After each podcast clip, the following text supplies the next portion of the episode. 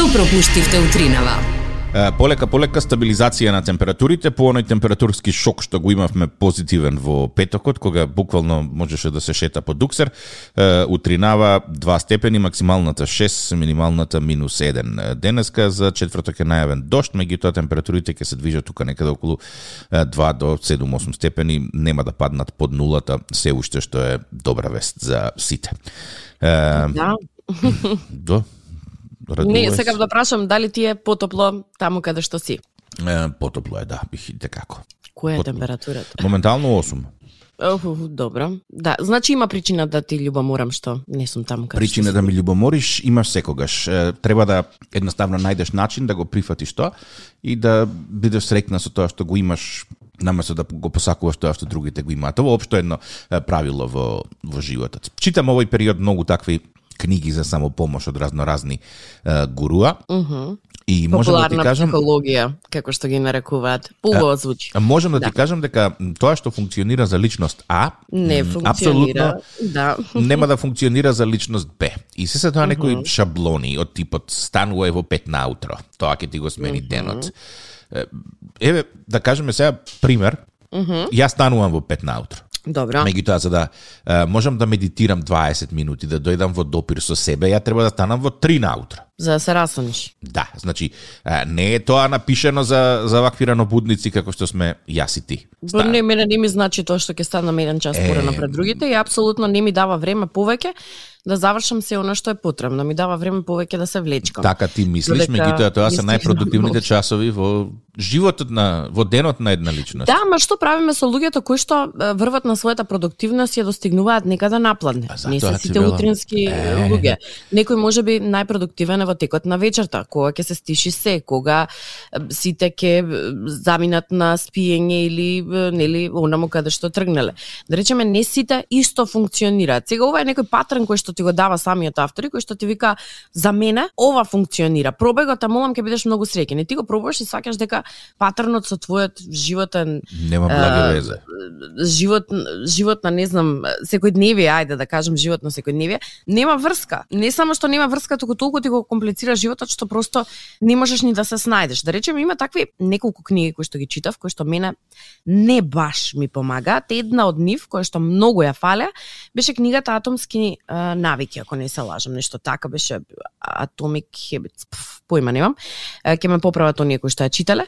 Ја испофалија многу. И јас се потегнав да ја барам под дрво и под камен да ја најдам и да ја прочитам. Читајќи ја, прва бев толку многу изгубена, мене некако тие работи кои што таму ми ги пишуваше не ми се одесуваа со секојдневието. Исто беше и со клубот Пет наутро. Преубава книга, стварно многу убава книга, ама не успеав никако да го пофатам тој патрн за да функционира за мене. Затоа па книгите кои што се наменети за хм, животно мантрање, е, книгите кои што се наменети за како да размислуваш во врска со парите, па супер ми помогна. Мислам дека изгледав некој сосема поразличен став во врска со трошењето на пари и чувањето на пари, кој што претходно апсолутно го, нема. немаше. Да. Така што убаво што велиш, да, не се што е, пишува во книгите понекогаш ќе ви помогне во животот, ама не е лошо да се чита. Апсолутно е многу позитивна навика, првенствено што многу ви го збогатува речникот, тоа беше нешто кое што мојата наставничка обожаваше да го каже. Многу го збогатува речникот и навистина е тоа така, ви ја забрзува мислата, но и ви дава теми плюс да разговарате со луѓе кога ќе седнете и кога некој ќе рече, е, јас таа и таа книга ја читав. Од друга страна па книгите кои што имаат во себе содржина со некакви животни приказки, ме де факто дефокусираат од она што го читам и некако не сакам да ги читам. Ама што е тука? Сега сум со ниет да тргнам да напишам една таква книга за самопомош базирана на моите методи на на живот и функционирање. Открини малку. Да, бе, едноставно го слушаш својот организам. Едноставно не треба да бараш работи кои што други ги прават, туку да правиш работи кои што тебе те прават срекни. Ама од друга страна, не знам колку добро ќе се продава и дали воопшто вреди да се седне да се напише нешто така. Е сега прашање, многу важно прашање, како некој кој што еве смета дека го успева да го слуша своето внатрешно јас. Што е со луѓето кои што не успеваат да го слушнат своето внатрешно јас? Како би им помогнал на тие луѓе? Како би ги насочил? Слушајте го своето внатрешно јас. Ама своето внатрешно внатрешно јас му треба време да се разбуди за да почне да вика однатре. До тогаш Стајте се слушно апаратче. Така Каде? да. на вратот. Ако не можеш да си го слушнеш внатрешното јас, ти имаш проблем. Реши си. Ете ти, добра идеја за книга, Зорки. Ете Ти благодарам. Првата глава веќе ја решивме. Како да го слушнеш своето внатрешно јас? Тик-так и Зорка, 5 декември, остануваат уште 26 дена до најлудата вечер. Полека полека треба да се воведуваат декорациите во домот за истиот да заличи на нешто. До каде си ти на таа тема? Е, кај мене во градот веќе светулките светат, меѓутоа На вистина? Да, ги пуштија на односно ги накитија на 8 декември ќе ги вклучат и ќе бидеме онака како во новогодишна бајка. Ама веќе е накитено тоа сакав да речам. Да, да, да, накитено е од крајот на минатата недела можеби. Вау.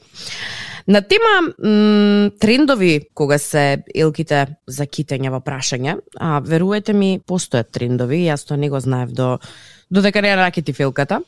А потоа почнав да скролам по социјални мрежи и еве се обидувам да ги најдам овие трендови кои што оваа година се најпопуларни и се појавија на социјалните мрежи уште кон крајот на месец ноември.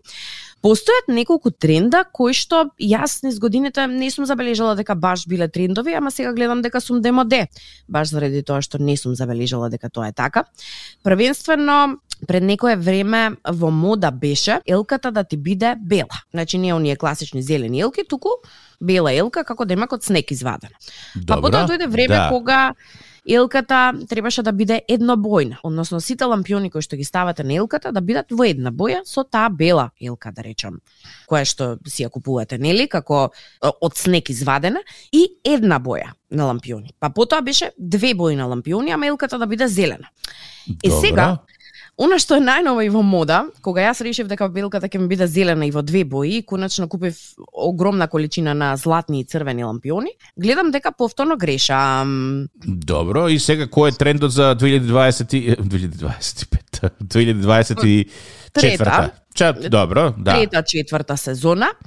Uh, постојат неколку трендови кои што јас просто не можам да најдам кој ми е омилен. Едниот од нив е Илката да ти биде накитена во една боја, меѓутоа не така како вие што замислувате, туку да бидат лампионите групирани во буквата Дз наша или С латинично. Дз, Се разбираме. да, добро. Значи оди како змиичка. Добро, ама така само од, елката. од една страна можеш да ја гледаш, не можеш да ја гледаш од сите страни. Нема, само од таа страна која што ја гледаш. Значи вака према тебе кога е свртена да биде како змиичка. Нели? Тоа е, јас Одгоре- ти кажам, недомакинка ја правела таа елка. Да, ја мрзело да фаќа Да, од сите страни, па вака тука дзак ја кажеш, нашлакаме. Така Да. ние правевме на времето, немавме доволно лампиони, само од напред накитано, од позади не дека ако се сврти, тоа е. Нема за позади. И секогаш до зид беше бутна телката за да не Па се гледа задниот дел, па, така? Па од две страни, ва- најдобро би било ако е во ќош. Тогаш двете страни ти се покриени и не се гледа, само напред изгледа, напред изгледа многу богато. И во сите можни бои, и во сите можни варијанти. Се што имаш ставаш на елката, па се тоа е. Кој му се свига, му се свига. Тоа ти е првиот е, начин како да се наки тилката. Вториот начин ти е со три бои и тоа трите бои ти си ги одбираш нели нормално. Елката треба да е зелена, тоа е трендот за оваа година. Многу ми е жал вие што купивте бели елки. Меѓутоа, трослојно, значи прво а, вака вертикално, ама вертикално како закосено оди една боја, па друга боја, па трета боја. Не се мешаат меѓу себе. Не ги мешате. Туку како вие си поставувате граница до каде оди едната боја, до каде почнува другата боја, може да бидете слободни при изборот на боите. А, уште еден начин постои, исто со две бои, ама едната страна на елката е во една боја, другата страна на елката е во друга боја. Се мисли на лампионите. И постои уште еден начин кој што мене апсолутно не ми се допаѓа, тоа е максималистички начин на китење на елка. Одбирате една боја во која што ќе ги купите најголемите лампиони кои што може да ги најдете на пазарот. Елката треба да ви е мала, ама треба добро да ја балансирате за да не падне заради тоа што ти е тежат. И тие сите нели додатоци кои што ги имате во домот, па макар и да до снешко да имате, ставате се во елката и тоа е максималистичкиот изглед на елката на крај. Е, фотографиите од вашата елка кај нас на социјалните мрежи во инбокс, тик так и Зорка сме на Facebook и на Instagram. Добро утро. А, ви благодарам што несебично ги споделивте фотографиите од вашите илки во нашето сандаче. Ние за возраст, бидејќи се уште јас не сум ја фотографирала илката, која што ја на китија децава, очигледно и нема да ја фотографирам дека не ја прередам, но тоа се надевам дека нема да го слушне оно кој што не треба да го слушна, ке останеме да си гласаме за оние четири понудени илки кои што веќе ги поставивме на социјалните мрежи. Тоа се трендовите за 2023-2024 според социјалните мрежи. Едно прашање, дали знаеш дека новите лампиони се продаваат без закачки? Како мислиш без закачки?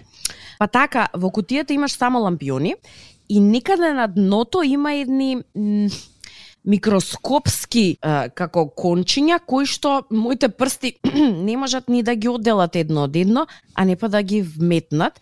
Тоа ти е нешто како да си играме игра, да речеме да ти дадат игла и многу конци, па ти да треба да ги наденуваш сите. Добро. На радоста и немаше крај. Морам да ти кажам дека мора да се снајдам со нешто друго. Uh, импровизирав, пробував со како си като ние спајалици, па така Добро. нешто пробував да правам закачки.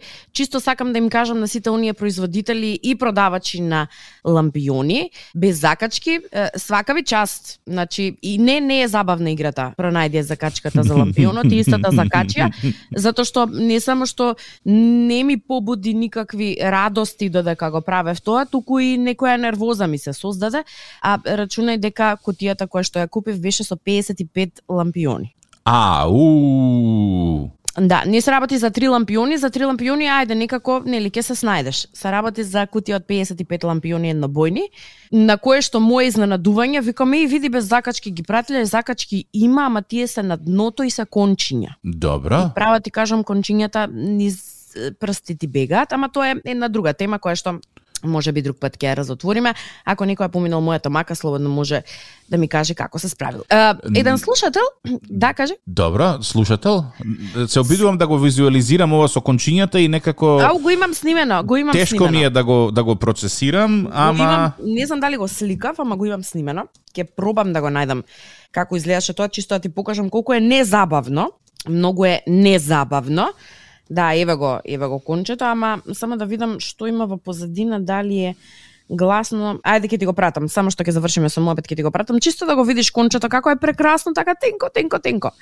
Туку слушател со една дилема која што јас не знаев да му ја одгатнам, па ќе се обидам двајцата да му ја разврзаме мистеријата околу тоа кое што ме праша. Јован, ако не се лажам, пиша, Добра. вели, ве молам да ми ја најдете логиката во песната, среде соба високо елката ни стои. Добро. Во сред Среде соба високо соба, стои ама не- елката. Во чива соба среде соба елката високо сите, стои? Нели во- се договоривме дека елката стои во ќош, каде што од двете страни не се гледаат лампионите, само од предната страна.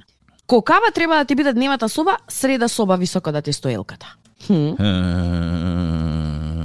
Замисли ги овие станови кои што се по 35 квадрати, среде соба високо елката да им стои. Прво не е ни висок плафонот, а второ собава е таа. Може да ставиш елката да ти дели дневна со кујна. Е, ајде да можеш, ама Нели? Не знам. И вториот дел вика ја красат играчки во илјада бој. Добро, да. Нели лампиони се? Е па сега некој ги вика лампиони, некој ги вика играчки за потребите на римата во овој конкретен е, текст треба да бидат Ке си замислите дека играчките се лампиони. Добро. И втор момент, Елко Елко вика порасни уште две-три пиди, за да може да домраз дарови да реди. Јако уште знам под елката се стаја. Сега, Колку е мала елката за да мора да порасне за дедове да може да го пикне поклонот под елка. добро. Нели? Да. Не знам, мене така ми е малце, ми ги отвори очите. Јован вика, те молам, одговори ми, ја не знам да одговорам, па затоа го споделувам со тебе. Добро. И сега јас сум еден дел- збунет. Да, и јас сум збуната многу. Мислам, песничкава е топ, да не се разбереме погрешно. Ама сега вака анализирајќи, а како и се друго,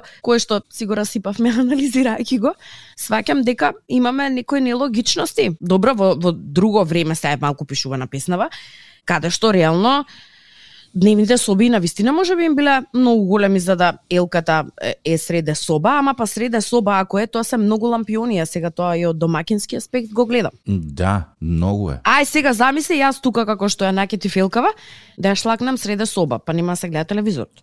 Ке ми ја тргнат, ке ми ја дислоцираат за 3,5 секунди. И, и најбош е, место е сред соба да ти стои. Па нема ке испобуткаме тоа да се бутка во ќошо е, па не па во среде соба.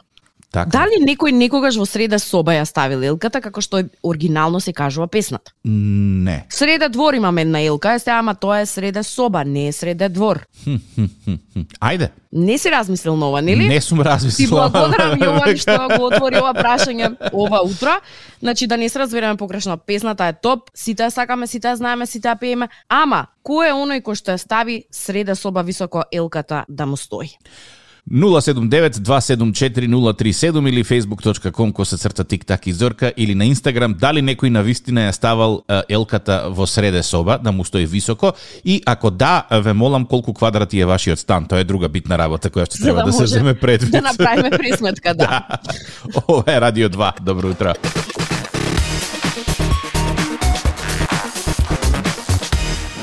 На тема среде соба високо елката ни стои, се уште размислувам кој м, дизајнер, односно уредувач на внатрешен простор да ламин елката да се стави насред соба, се онако таа не е некоја голема просторија. Е, Стас една порака на таа тема вели една слушателка песничката може би е пишувана во време кога немало телевизор и распоредот на троседите бил поинаков. Ама Добро, кога немало телевизор, имало радио, радио, бе, добро, сега си, си ја ставам елката насред Секој со својата логика мене ми се допаѓа што ве поттикнавме малку да размислите, а на тема размислување на вистина многу прашања некако се наметна едно по друго кое што логично не сме ги анализирале, ама тука се. И, и реално е тоа на вистина така. Едно од прашањата е, е живи елки во Скопје каде има? Е, не знам каде има живи елки и, и не знам дали воопшто има. Предпоставувам дека треба да има, ама па мене тоа прашање ми е меч со две острици, жива елка. Од една страна, некако да ја купам жива елка специјално пресечена за да ми Ти сврши го работа разубави домот?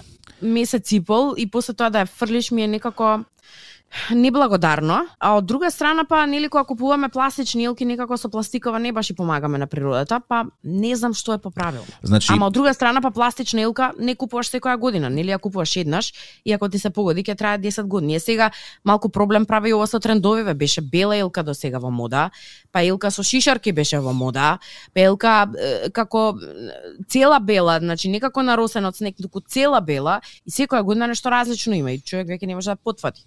А, значи вака, жива елка, искуството му е вели еднаш за да видиш како е и никогаш повеќе.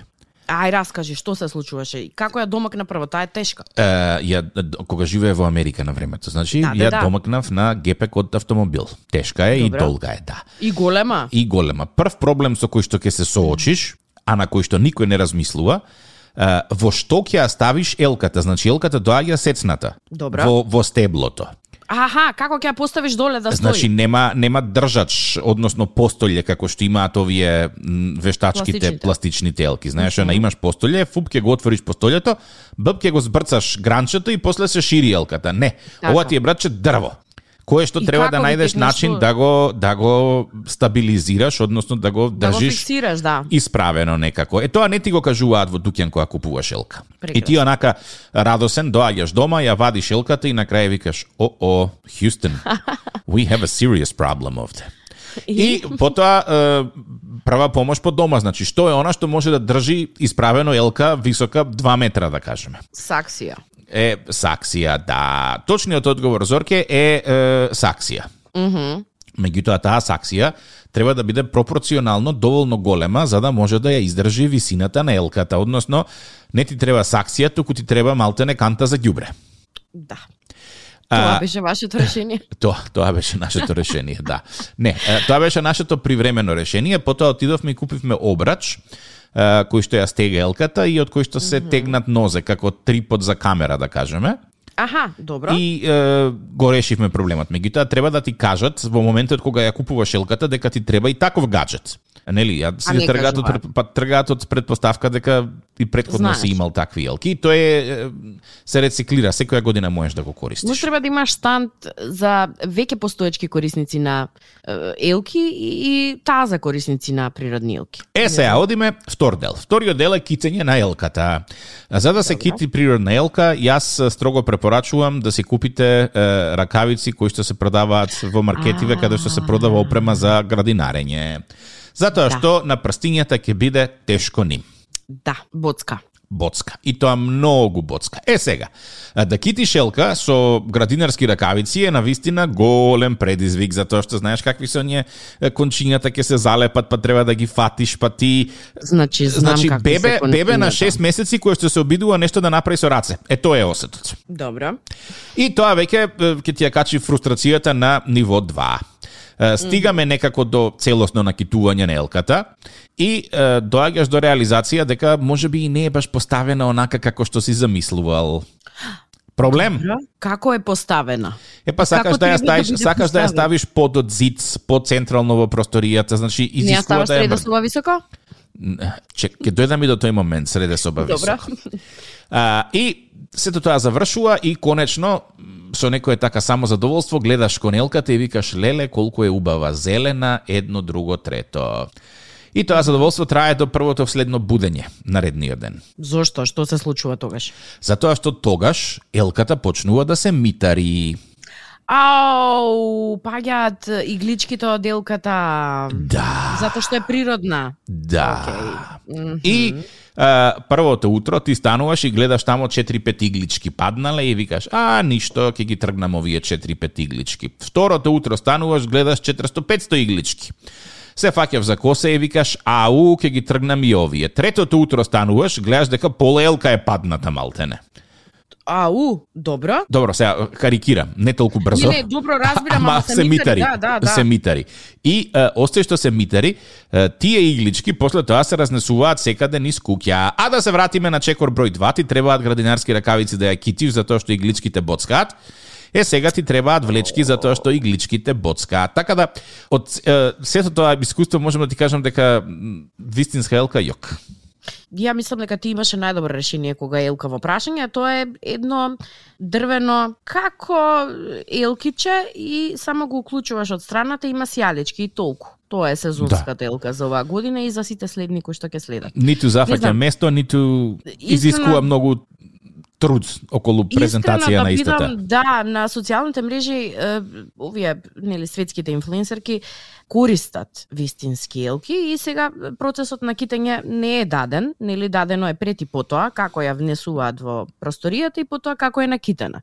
И овој дел кој што го објаснуваш сликовито баш не е даден и ти всушност можеш многу лесно да паднеш во замката дека у, тоа е тоа кое што треба да го имам оваа година, ама гледаш добро е да ги слушнеш работите од сите агли, па на крајот да си донесеш некој твој заклучок. Додека разговаравме, слушател прати порака вели, а може да се земете и помала елка, вистинска, и откако ќе заврши, нели? Китењето да си ја засадите некаде во дворот, ама таа веројатно треба да ја купиш како цела со се корен, затоа што ако е пресечено на коренот, Да. веќе после месец дена не верувам дека иако немам искуство, не верувам дека ќе може да ја засадите некаде во дворот. и затоа веќе ако имате аспирации да купите елка, не знам, размислете многу добро заради тоа што на вистина е, малтене е важно колкава ви елката, исто како што ви е важно колкав ви е телевизорот во дадениот простор. Така што многу добро пресметете математиката пред да се одлучите да купите нешто ново. На Радио 2, секој работен ден од 7.30. Будење со Тик-так и Зорка. Во случај на неконтролирано смеење и симптоми на позитивно расположение, консултирайте се со вашиот лекар или фармацевт.